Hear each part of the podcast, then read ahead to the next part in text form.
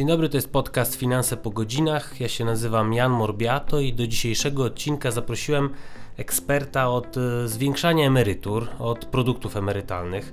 E, Artura Pazderskiego, menedżera Wenen Investment Partners TFI. Cześć Artur. Cześć Janek, witam wszystkich. Od 2019 roku oszczędzający mają do dyspozycji kolejny produkt służący e, takiemu dobrowolnemu oszczędzaniu na emeryturę. To są pracownicze plany kapitałowe PPK. E, Całkiem sporo już się tych produktów zrobiło. Spróbujmy trochę to, ten świat tych narzędzi, tę ofertę jakoś uporządkować, Artur. E, tak, rzeczywiście tych produktów w zakresie trzeciego filaru, filara emerytalnego jest e, coraz więcej. E, PPK jest tak naprawdę czwartym produktem w trzecim filarze systemu emerytalnego.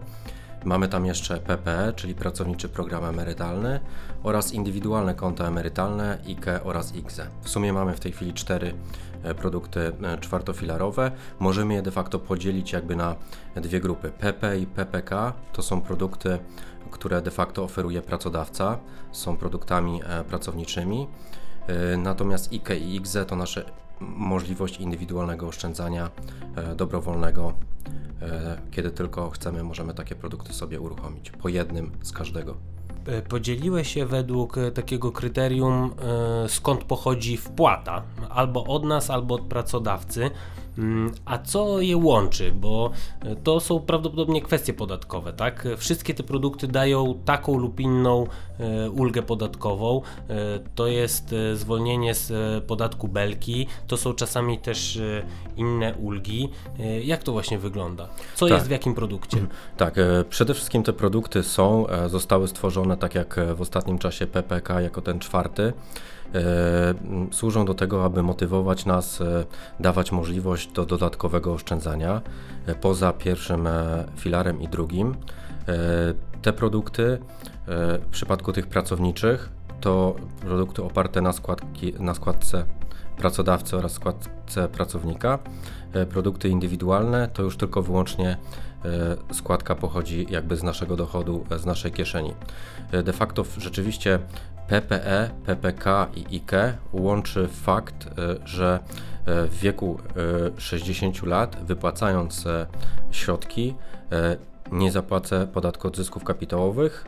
E, Oczywiście trzeba brać pod uwagę, że w przypadku PPK, aby tego podatku belki nie zapłacić, to wypłacam w wieku 60 lat tylko 1 czwartą, a reszta jest rozłożona na y, 10 lat, na 120 lat. Y, To trzeba o tym pamiętać. W PPE y, oraz w IKE 60 lat mogę wypłacić całość bez tego podatku. No i de facto to jest jeden z czynników motywujących, który powinien nas motywować do bycia uczestnikiem e, tychże e, programów e, to fakt, że mogę oszczędzać i docelowo z tytułu zysków e, e, nie zapłacę podatku belki. W przypadku IGZE e, tu jest oddzielna specyfika, to jeszcze e, od razu powiem, bo IGZE samo w sobie zostało stworzone po to, e, aby mm, optymalizować sobie nasze e, rozliczenie podatkowe, czyli to, co wpłacam do e, w ciągu roku według limitu danego na dany rok, mogę sobie w rocznym rozliczeniu PIT odliczyć od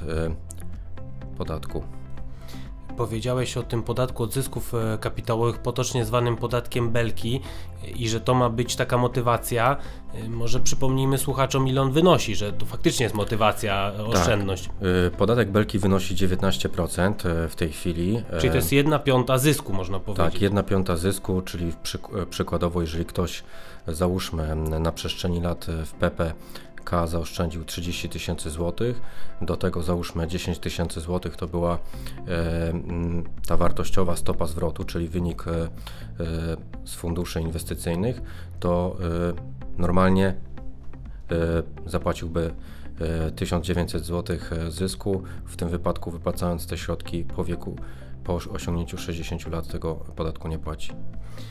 A jak to jest z uczestnictwem w tych produktach we wszystkich jednocześnie? Czy one się wzajemnie wykluczają? Czy można mieć e, każdy z nich i w ten sposób jeszcze bardziej swoją emeryturę powiększyć? Jak to wygląda? Tak, to jest akurat bardzo ciekawa kwestia, bo e, e, może zacznijmy od tego, e, wykluczmy niejako IGZE, bo IGZE będzie w przypadku tych pozostałych trzech najbardziej idącym jakby swoją ścieżką, czyli wypłaty transferowe wszelkiego rodzaju pomiędzy IGZE, a pozostałymi trzema produktami są niemożliwe. Niemniej jednak w przypadku PP, PPK oraz IKE mamy tu pewne możliwości transferów środków pomiędzy tymi produktami. Nazywa się to oczywiście wypłatą transferową.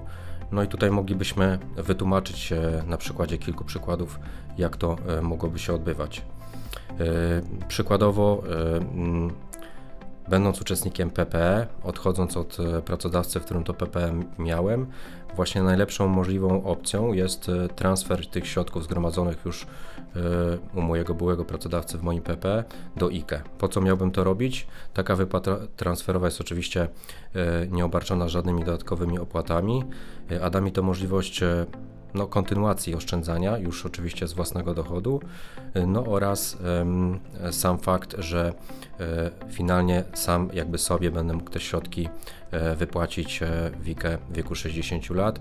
Warto wiedzieć, że ta wypłata transferowa z PPE do IKE nie wlicza się ta kwota przetransferowana do tego rocznego limitu w IKE, bo IKE i IGZE E, mają swoje te limity roczne wpłat, e, które są pochodną krotności e, przeciętnego wynagrodzenia w gospodarce ustalonego na dany rok. Czyli można z PPE przerzucić do IKE, a czy z PPE do PPK jakoś to działa, czy nie? No tutaj bardzo dobre pytanie, bo tak naprawdę w ciągu już niecałych dwóch najbliższych lat PPK obejmie wszystkie firmy w Polsce. PPK jest i będzie e, produktem masowym. PP jest raczej niszowym. Myślę, że maksymalnie do około 5% pracodawców w Polsce e, będzie miało finalnie PPE. E, będąc przykładowo uczestnikiem PPE i przechodząc do nowego pracodawcy, który nie ma PPE, bardzo wysokie prawdopodobieństwo, że będzie miał PPK. W tym wypadku, no niestety, ustawodawca nie przewidział możliwości łączenia PP z PPK. Tylko i wyłącznie możliwa jest wypłata y, z PPK do PPE lub właśnie IKE w przypadku dziedziczenia środków. Taka osoba, która odziedziczy środki po zmarłym uczestniku PPK, ma możliwość y, wypłaty transferowej środków z PPK do właśnie PP, o ile takowe posiada, do IKE lub też oczywiście do PPK, bo takowe też mogła mieć. Możemy sobie teraz wyobrazić taką sytuację, że z firmy, która ma PPK, przechodzę do firmy, która ma PPE, albo vice versa, z takiej, która ma PPE, do takiej, która ma PPK. Jak to wygląda przy zmianie pracy, właśnie z przerzucaniem tych oszczędności? Dobre pytanie.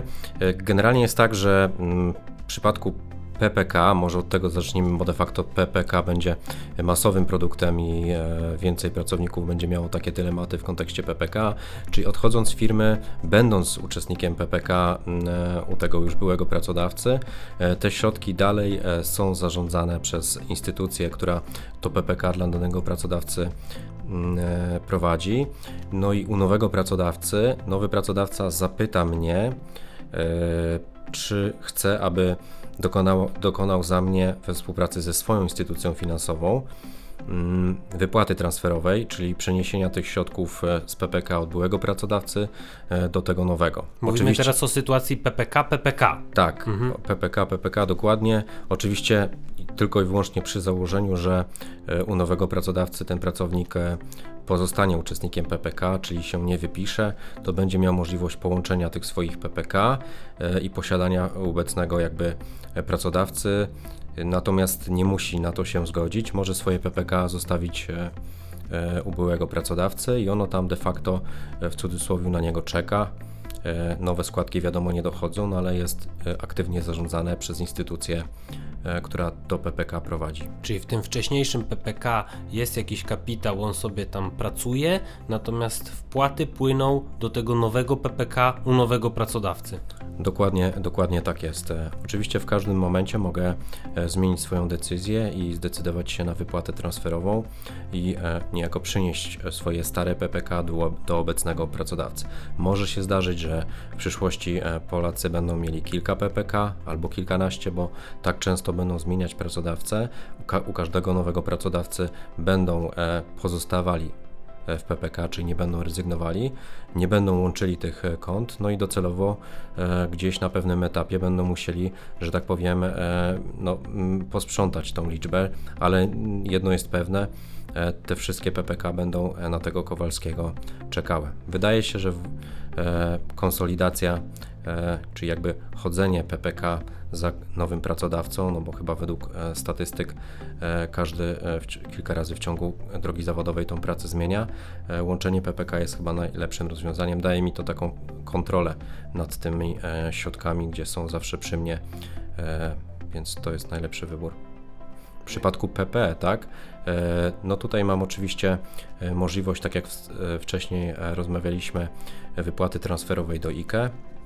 E, Drugą opcją być może e, trafi mi się PPE e, u mojego nowego pracodawcy i do niego przystąpię, to wtedy też mogę połączyć sobie stare PPE z nowym PPE. To jest oczywiście bezpłatne, to jest też w formie wypłaty transferowej. Jakie mam jeszcze możliwości? Że miałem PPE u byłego pracodawcy, a u nowego mam PPK. No i tak jak tutaj e, wcześniej też e, tą kwestię poruszaliśmy, na ten moment bynajmniej PP z PPK nie można łączyć, czyli pozostanie mi to PP, co z nim zrobię? E, No mogę przenieść choćby na IKE i to jest najbardziej optymalne zawsze rozwiązanie, a PPK u nowego pracodawcy będę uczestnikiem, będzie oddzielnym kontem, więc tak to może się w przyszłości w przypadku Polaków dziać i takie mm, ta wieloproduktowość pewnie będzie się w jakiś sposób e, pojawiać. Możemy sobie wyobrazić właśnie, że już na emeryturze dostajemy z kilku źródeł te wypłaty, prawda? Do- Tak, albo nawet wbrew pozorom e, w pewnym sensie z kilkunastu, bo jeżeli ktoś będzie miał wiele PPK, e, no to będzie miał załóżmy powyżej pięciu i nie połączy ich na żadnym etapie, to będzie miał z pięciu wypłaty. Jeśli będzie miał załóżmy PP, dodatkowo chociaż jedno w ciągu swojej drogi zawodowej, no to ma kolejne e, źródło dodatkowego e, dochodu. Także warto być tego świadomym, warto tego pilnować. E, Najłatwiej to pilnować, jeżeli się to jakoś konsoliduje, przynajmniej próbuje. Zdecydowanie. Zdecydowanie tak, to jest najlepsze rozwiązanie i e, wtedy mamy tą e, kontrolę e, nad tym e, zgromadzonym kapitałem. A czy jest jakieś miejsce, gdzie te wszystkie produkty służące dobrowolnemu oszczędzaniu na emeryturę e, no, widzą się, mówiąc w cudzysłowie? Czy mogę sprawdzać, porównywać ich stopy zwrotu, e, nie skacząc pomiędzy różnymi systemami transakcyjnymi, tylko sprawdzić to w jednym miejscu? Jak, jak to wygląda? E, Tak, jak najbardziej. Przykładowo no, najlepszą taką formą jest oczywiście aktywowanie usługi internetowej, choćby naszej NNTFI24.pl, e, gdzie chociażby będąc uczestnikiem PP lub PPK i posiadając e, te pozostałe dwa produkty indywidualnego oszczędzania, czyli IKE i IGZE, mogę mieć podgląd e, 24 godziny na dobę i w jakiś sposób monitorować e, gromadzone przeze mnie oszczędności, sprawdzać stopy zwrotu funduszy e, i inne e, kwestie, które dotyczą właśnie chociażby e, naliczanych mi regularnie składek, ich wartości. Także to wszystko jest dostępne. Oczywiście zdajemy sobie sprawę, że wciąż jeszcze jest grupa e, uczestników naszych programów emerytalnych, którzy nie mają dostępu online. E, To uczestnicy są informowani e, po prostu e, listownie o gromadzonych środkach w swoich programach. A są jakieś plany, być może śledzisz to jakoś, Artur, jako osoba zajmująca się tą tematyką. Czy są plany zintegrowania w ogóle jakby e, wszystkich informacji o systemie emerytalnym, czyli stworzenia jakiejś takiej platformy, portalu, gdzie będę widział nie tylko PP, PPK i KXZ, ale też na przykład e, ZUS. Tak, e, słuszne pytanie. To, co mamy na dzisiaj, obecny stan jest taki, e, że tak jak rozmawialiśmy, że w przypadku tych produktów trzeciofilarowych, no to mamy dostęp, o ile sobie aktywuję e, ten internetowy w tej instytucji, gdzie takowe produkty posiadam. Oddzielnie mamy, możemy mieć dostęp do platformy usług elektronicznych należącej do Zakładu Ubezpieczeń Społecznych. Łatwo można ten dostęp sobie aktywować, chociażby przez profil zaufany banku, podpis elektroniczny, do czego de facto gorąco zachęcam. E, I tam, e, będąc, e, mając to aktywne konto w, w PUE, mogę zobaczyć wartość środków gromadzonych w pierwszym filarze, czyli moje konto i subkonto, które mam, którym zarządza ZUS, no oraz środki gromadzone, czy zgromadzone de facto w drugim filarze, czyli w moim otwartym funduszu emerytalnym. E, Czyli oddzielnie mamy dwa filary, pierwszy i drugi, i oddzielnie de facto trzeci filar. I rzeczywiście, e, odpowiadając na to pytanie, jest plan obecnie e, de facto wyłożony, że tak powiem, na stół ustawodawcy, aby docelowo wprowadzić nazwano to wstępnie Centralną Ewidencję Emerytalną, gdzie połączy się e, wiedzę na temat wszystkich e, produktów emerytalnych, które posiada Kowalski, czyli nie oddzielnie filary, tylko wszystkie razem. E, jest projekt regulacyjny w tym zakresie. Na pewno to, to ustawodawcy zajmie trochę czasu, zanim coś takiego uda się stworzyć, jeśli w ogóle uda się stworzyć. Natomiast jest taki plan i w przyszłości pewnie zobaczymy, czy, czy każdy Kowalski będzie mógł pod jednym loginem, pod jednym hasłem sprawdzić sobie e, stan swojego de facto całego kapitału emerytalnego w podziale na poszczególne e, produkty. No to by było coś. A jaki jest sens? E, wspomniałeś, że no, PPE są raczej niszowym produktem, PPK pewnie będą bardziej masowym. Czyli no, kto będzie chciał, będzie mógł jakoś w tych programach uczestniczyć w jednym lub w drugim. Czy wtedy jest sens, żeby w ogóle jeszcze myśleć właśnie o IKX, o jeszcze jakimś dodatkowym narzędziu tego mhm. oszczędzania na emeryturę? Czy tak naprawdę ta potrzeba zwiększenia tej emerytury z ZUS-u będzie już zaspokojona tym e, e, pracowniczym rozwiązaniem? Mhm. E, bardzo dobre pytanie. De facto jest tak. E E, no, że ta stopa zastąpienia, którą nam prognozuje Zakład Ubezpieczeń Społecznych, czyli e, relacje naszej ostatniej pensji do, do emerytury, e, no już dzisiaj wynosi około 50%, za 20-25 lat będzie ona wynosiła około 30, a nawet mniej procent. W związku z tym, w mojej ocenie, im więcej mamy dodatkowych źródeł oszczędzania, czyli nie tylko właśnie PP lub i PPK, ale też wspomniane IKX, tym lepiej dla nas, jeśli chodzi o e, nasze życie e, na emeryturze i tak zapewnienie sobie nie tylko podstawowych potrzeb, ale właśnie e, czegoś ekstra, bo żyjemy coraz dłużej i będziemy na tej emeryturze na pewno znaczna część z nas aktywni. Jeszcze chciałbym poruszyć wątek, e, którego nie możemy pominąć, rozmawiając o systemie emerytalnym, to są zmiany w OFE. E, od 2020 roku mm, OFE przestaną istnieć, zostaną przekształcone w, w IKE. OFE, one miały zaledwie 20 lat, mniej więcej 20 lat. No to jest krótka historia, jak na produkt, który miał służyć oszczędzaniu na emeryturę, prawda? Możemy założyć, że każdy z nas jednak y, będzie to życie zawodowe miał dłuższe niż 20 lat. Skąd mamy wiedzieć, że właśnie tych nowych wszystkich produktów emerytalnych, y, y, PPE, tych PPK, IKXE nie spotka taki sam los jak OFE? Tak, to jest pytanie, z którym de facto się spotykamy na niemalże każdym spotkaniu e, z pracownikami, kiedy wdrażamy e, te programy e, dla nowych pracodawców, czy PP, czy PPK, aczkolwiek zaufanie to jest jeszcze bardziej ograniczone w przypadku PPK.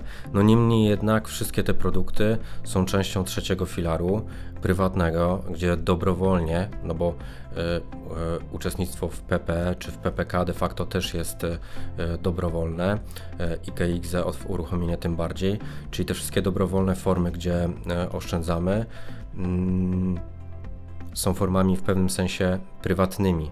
Więc jeśli w ostateczności kiedykolwiek cokolwiek miałoby się dziać złego, jeśli chodzi o kondycję i sytuację naszej gospodarki, budżetu państwa, wydaje mi się, że są to ostatnie E, oszczędności, e, ostatni rodzaj oszczędności, po jakie e, chciałby sięgnąć ktokolwiek wtedy by sprawował rządy w naszym kraju.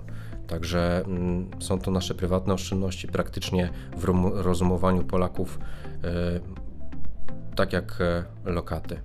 Czyli to by było takie naprawdę drastyczne rozwiązanie wtedy, manipulowanie przy tym. Jak najbardziej. Sposób. Oczywiście historia zna pewne przykłady w przyszłości, gdzie chociażby depozyty e, firm e, w jakiś sposób, w jakiejś części były nacjonalizowane.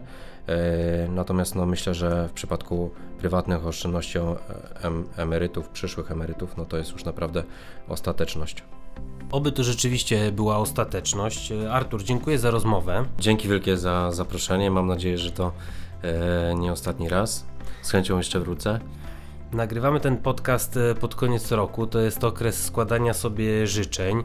Myślę, że my powinniśmy sobie nawzajem, a też przede wszystkim naszym słuchaczom życzyć większej stabilności tego systemu emerytalnego, oby nikt już nie zmieniał na gorsze zasad gry w trakcie jej trwania.